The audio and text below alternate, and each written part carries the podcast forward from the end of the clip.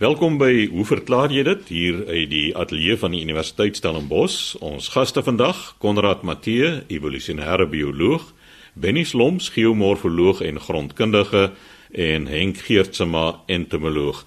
Henk, ons begin by jou. Jy gesels oor 'n verskeidenheid insekte en soos wat ek jou al leer ken het, is daar glo geen insek wat 'n plaag of 'n pes is nie. Heeltemal korrek. Ek het 'n mooi briefie van Koos van die strand. En hierdie brief gaan oor skorpioene. En omdat dit te doen het met Namakwa, is dit natuurlik 'n baie interessante vraag wat hy sê. Hy vra: "Kan 'n kat 'n skorpioen doodblaas?" Dan sê die ouer kleurlinge in Namakwa beweer dat 'n kat 'n skorpioen kan laat sterf deur daarop te blaas. Nou, dit hang natuurlik af wat die persoon wat die blaaswerk doen gedrink het. Wat daar uitgeblaas gekom het. Maar ek kan hom beloof, 'n skorpioen is 'n taai ding. Deur om te blaas, of jy nou 'n kat of 'n mens op hom blaas, vergeet dit. Toe het hy se bietjie gaan oplees oor die longe van die skorpioen en die bewering dat nou gebruik hy handelsnaam, maar dit is 'n Amerikaanse bruinerige borreldrankie. So ons sal weet waarvan hy praat en of dit 'n skorpioen kan doodmaak. Nou die vraag is die oormaat koolsuurgas so krities dat die skorpioen so maklik sterf. Is daar miskien 'n ander oorsaak? Nou wil jy weet wat is die slim geleerde vriende se mening. Nou in die eerste plek, die longe van 'n skorpioen is boeklonge en hulle sit onder in die vorm van plaatjies onder op die onderkant van die agterlyf.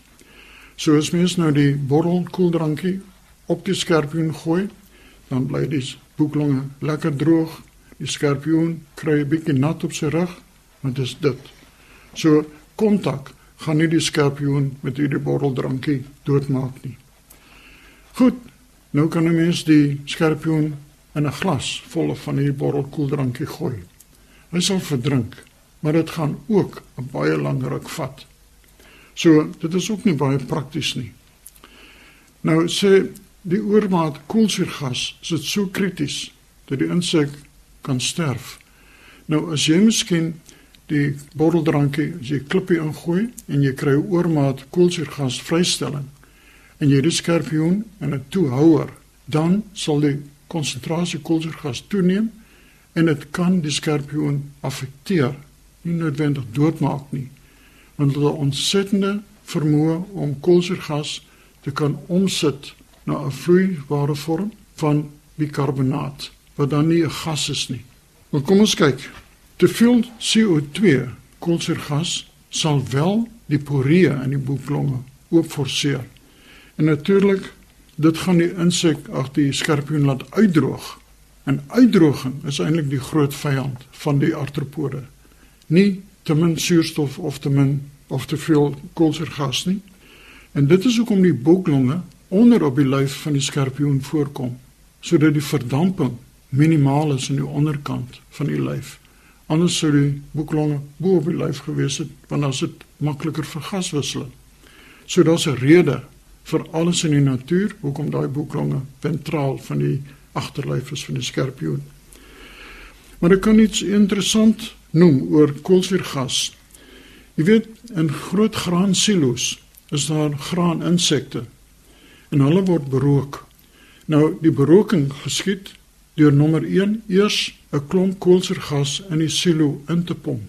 Wat koolsuurgas doen aan die normale asemhalingsporee van 'n insek, ons praat nie nou van boeklonge nie, is die poree gaan oop en meer oop omdat die konsentrasie koolsuurgas so hoog dat hulle smag na suurstof.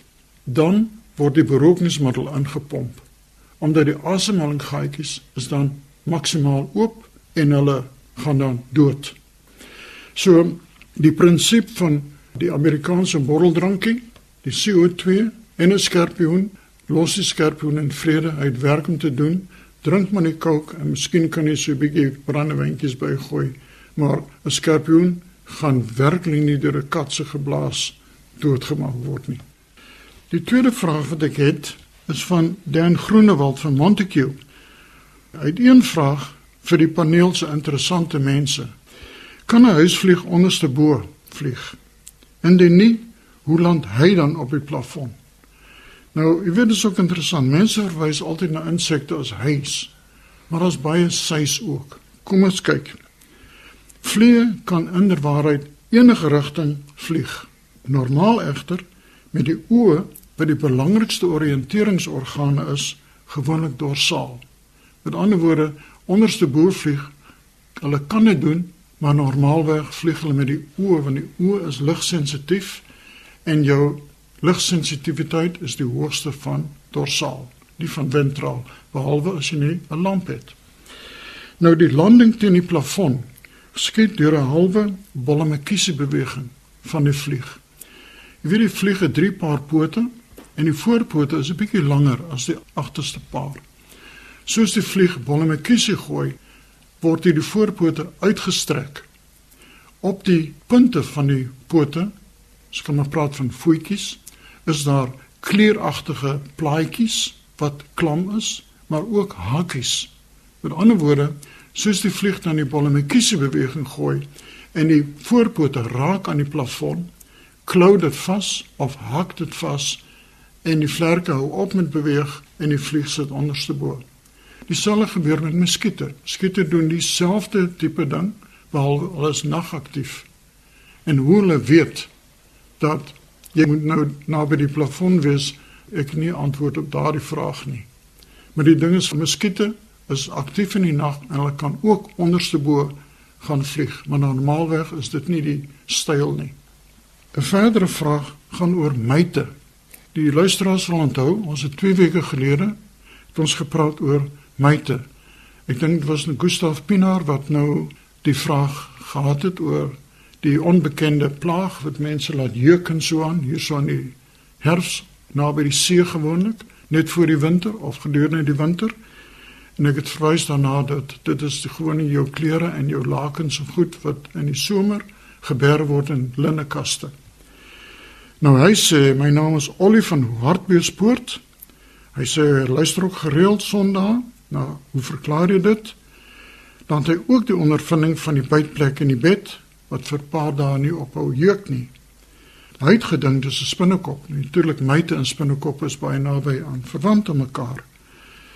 Toe ontdek hy by 'n boeremark aardappelsalf, die Afrika aardappelsalf. Jy kry dit self in geen apteek maar wel by boeremarkte en hy sê dit werk vir enige seer op bytplekke. Nou ek het al meer gehoor van hierdie Afrika aardappel. Weet my kollegas iets wat dit presies is? Nee. Afrika aardappel is dit miskien 'n uh, sogenaamde uh, cassava? Ek weet nie want cassava is nie Afrikaanse gewas nie. So luisteraars, as jy gepla word deur myte, as jy nou voel jy as jy jeukery en so in die gang, gaan maar na 'n boeremark en probeer hierdie Afrika aardappel salf in jou hande te kry. Hier's nog 'n vraag van Dr. Nati van Vuren van Nylstroom. En ek lees hierdie vraag want dit is ander luisteraars wat dit ook interessant gaan vind. Hy sê hy besit 'n groot en waardevolle boekery wat hy graag in die Bosveld teen vismotte en ander papiergoggas wil beskerm. Nou vroeër het hy motbolletjies of naftaleen gebruik Maar deesdae sê die prys is te hoog.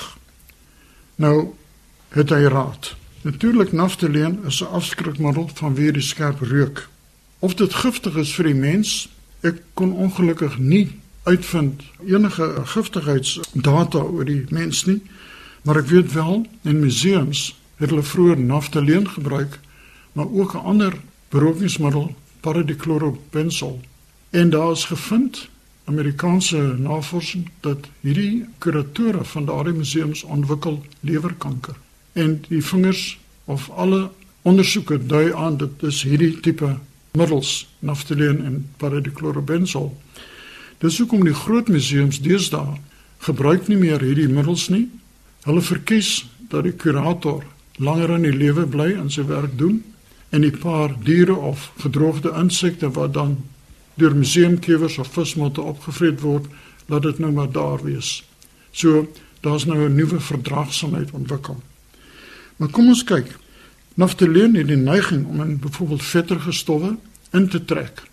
En jy weet ook as mense in 'n ou biblioteek aankom Jy kan sommer die naftaleen ruik. Met ander woorde, die papier absorbeer ook die naftaleen reuk.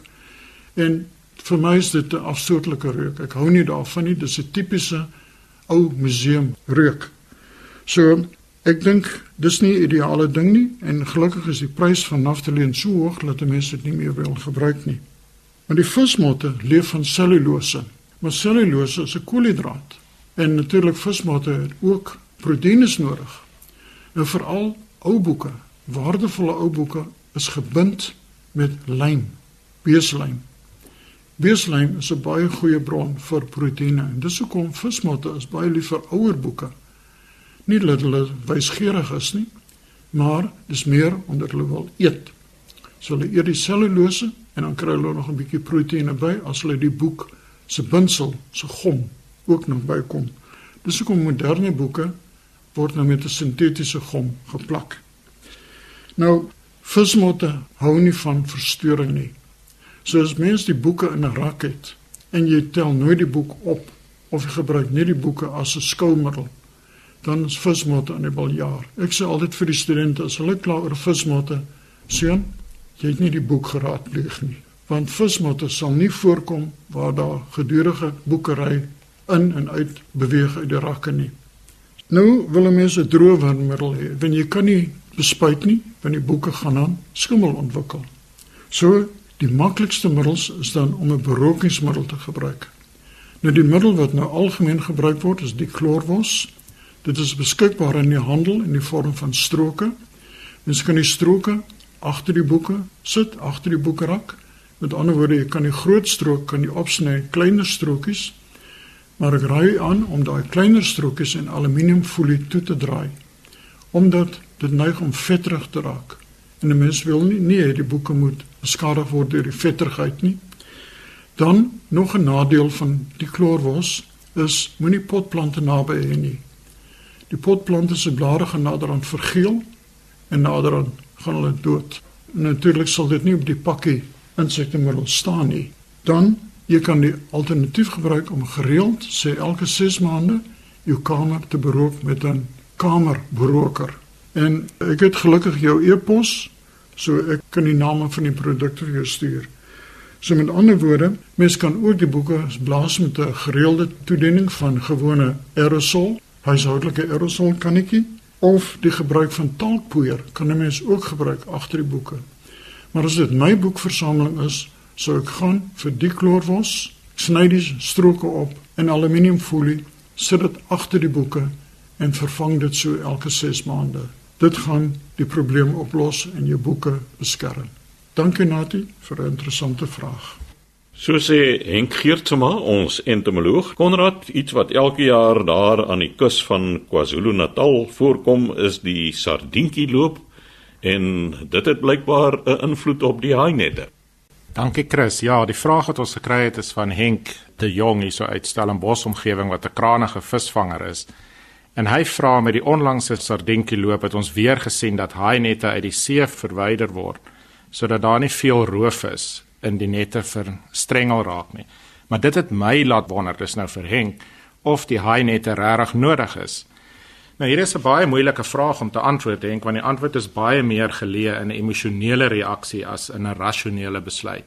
Natuurlik na elke haaiaanval is daar 'n vreeslike ding in die media en mense is bang om in die see te gaan. Mens kan nie sien wat onder die water is nie.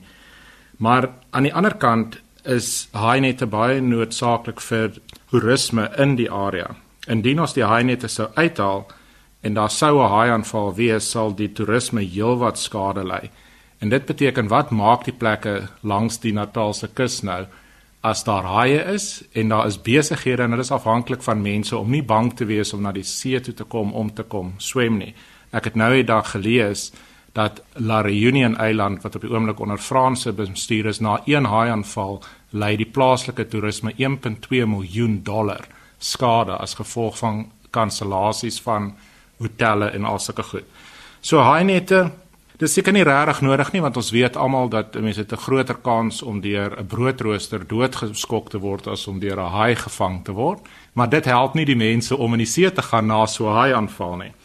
So om die vraag te antwoord moet mens seker ook kyk na die tipe haainette en wat se haainette daar is. Nou die eerste haainet waaroor ons kan praat is die wat by die Natalse kus geïnstalleer is.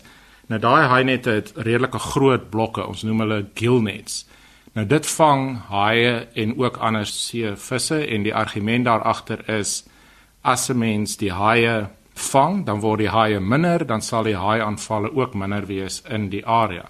Nou, dit is natuurlik nie 'n omgewingsvriendelike manier nie want hierdie haai net weet ons ook vang seeskilpaaie en dolfyne en ons weet ook dat dit nie 'n hindernis is vir die haie nie want ons oop onder en dis oop aan die kante so die haie kan baie maklik omswem en dit is inderdaad ook so dat heelwat van die haie eintlik gevang word op pad terug see toe en nie van die see af na die kus toe nie.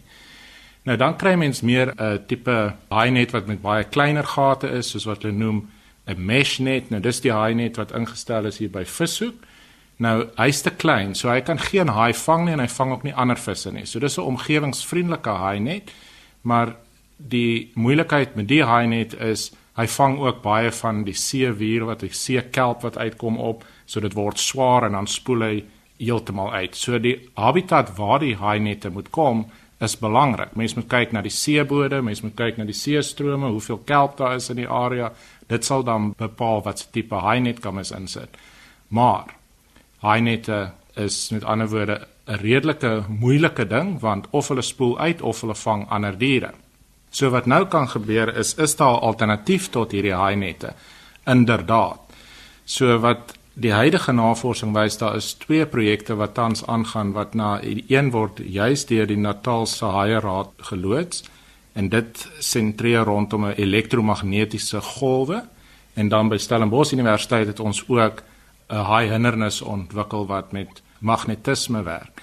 Nou die rede hoekom 'n elektriese impuls of 'n magneet 'n haai sal afsit is omdat die haie het hierdie sensors as sulke gevulde sakkies in hulle neus wat met jelly gevul is wat ons die ampulli van Lorenzini noem. Nou hulle gebruik hierdie ampulli van Lorenzini om die spiertonus van 'n vis op te tel. So as visse rond beweeg, dan kan die haai weet waar die vis is as gevolg van hierdie sensor. Hulle noem dit ook 'n sesde sintuig wat in hierdie haie voorkom.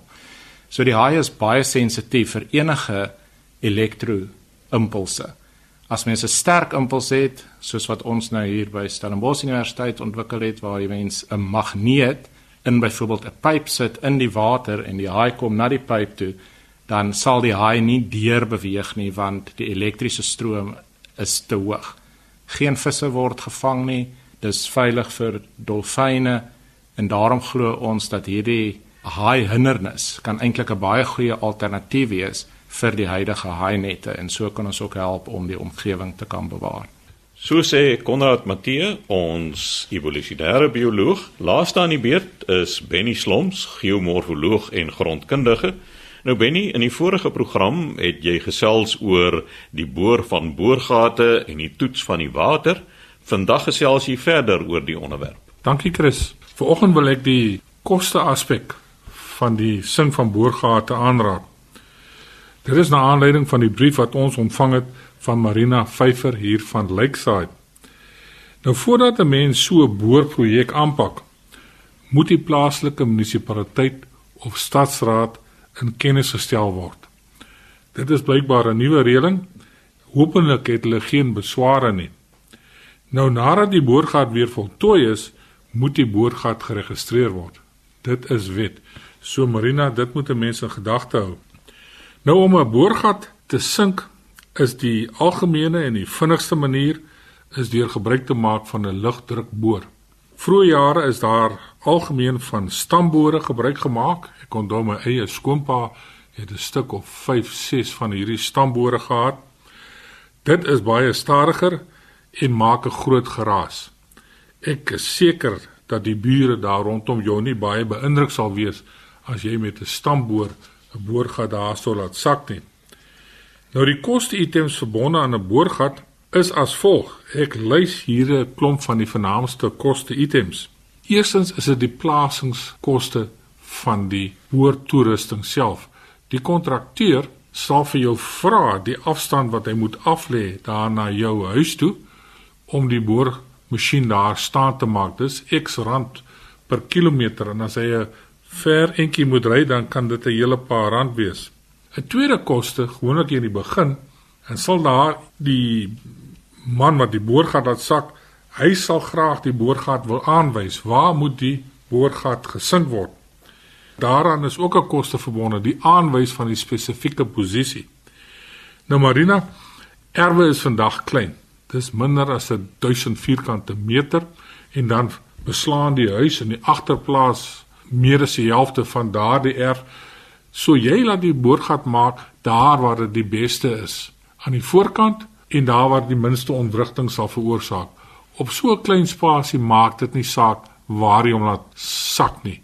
Die water loop nie in 'n geslote strome onder die grond nie. Derdens, die boorkoste self. Dit sal natuurlik afhang van die strata waardeur geboor moet word en die pryse varieer nogal dramaties. Ek het gaan oplees en gekyk en mens kan min of meer jou regmaak vir R1000 per meter wat jy gaan boor. So as jy 50 meter diep boor, is die boorkoste alleen R50000. Dit is mits jy deur normale materiaal boor, nie harde onderliggende materiaal nie, dan gaan dit vir jou meer kos. Nou indien daar ongekonsolideerde materiaal in die eerste gedeelte van die grond voorkom waar jy boor, sal jy 'n voering moet installeer om te keer dat sand, klippe en grys nie in jou boorgat inval nie en jou hele boorgat verstop nie. So die diepte van die voering sal afhang tot daardie diepte waar vaste materiaal gekry word en nie meer materiaal sal instort in jou boorgat nie. As die gat klaar geboor is, klaar getoets is, dan moet daar 'n onderdompelpomp geïnstalleer word wat laat sak word in hierdie gat. Nou die uh, koste aan die voering, die onderdompelpomp, die elektriese kabel wat jy sal moet aanlê vir die kragvoorsiening, kan enigiets tussen 30 en 50 000 rand wees.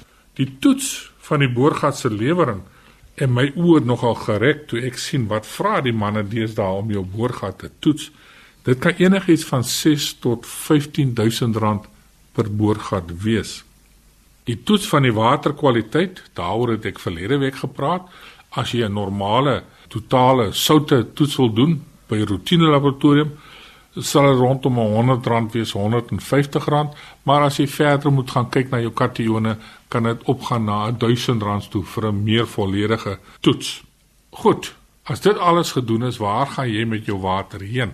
So daar sal 10 te 1 'n paar tenke opgerig moet word waar jy die water kan stoor.